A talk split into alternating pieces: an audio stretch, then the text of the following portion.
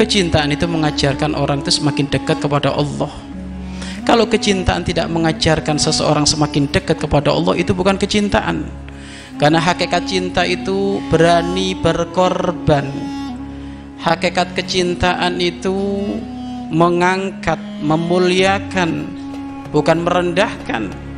Kalau cinta menjerumuskan itu bukan cinta. Kalau cinta merendahkan itu bukan cinta kalau cinta menjadikan kita jauh dari Allah itu bukan cinta.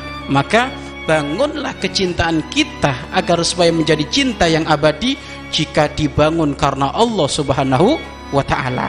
Pokoknya apa pun jika dibangun karena Allah akan abadi. Suami istri yang saling mencintai Cintamu akan abadi Menjadikan engkau akan masuk surga bareng.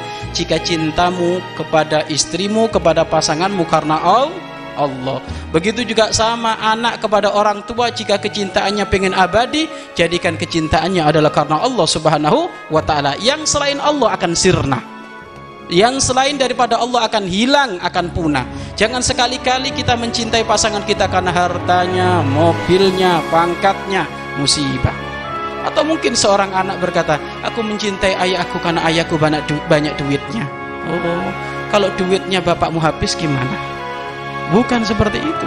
Kecintaan kita karena Allah. Loh kalau sudah cinta kita karena Allah orang tua kami nggak pandang dia itu melarat nggak pandang dia itu cakep nggak pandang dia itu berjabatan.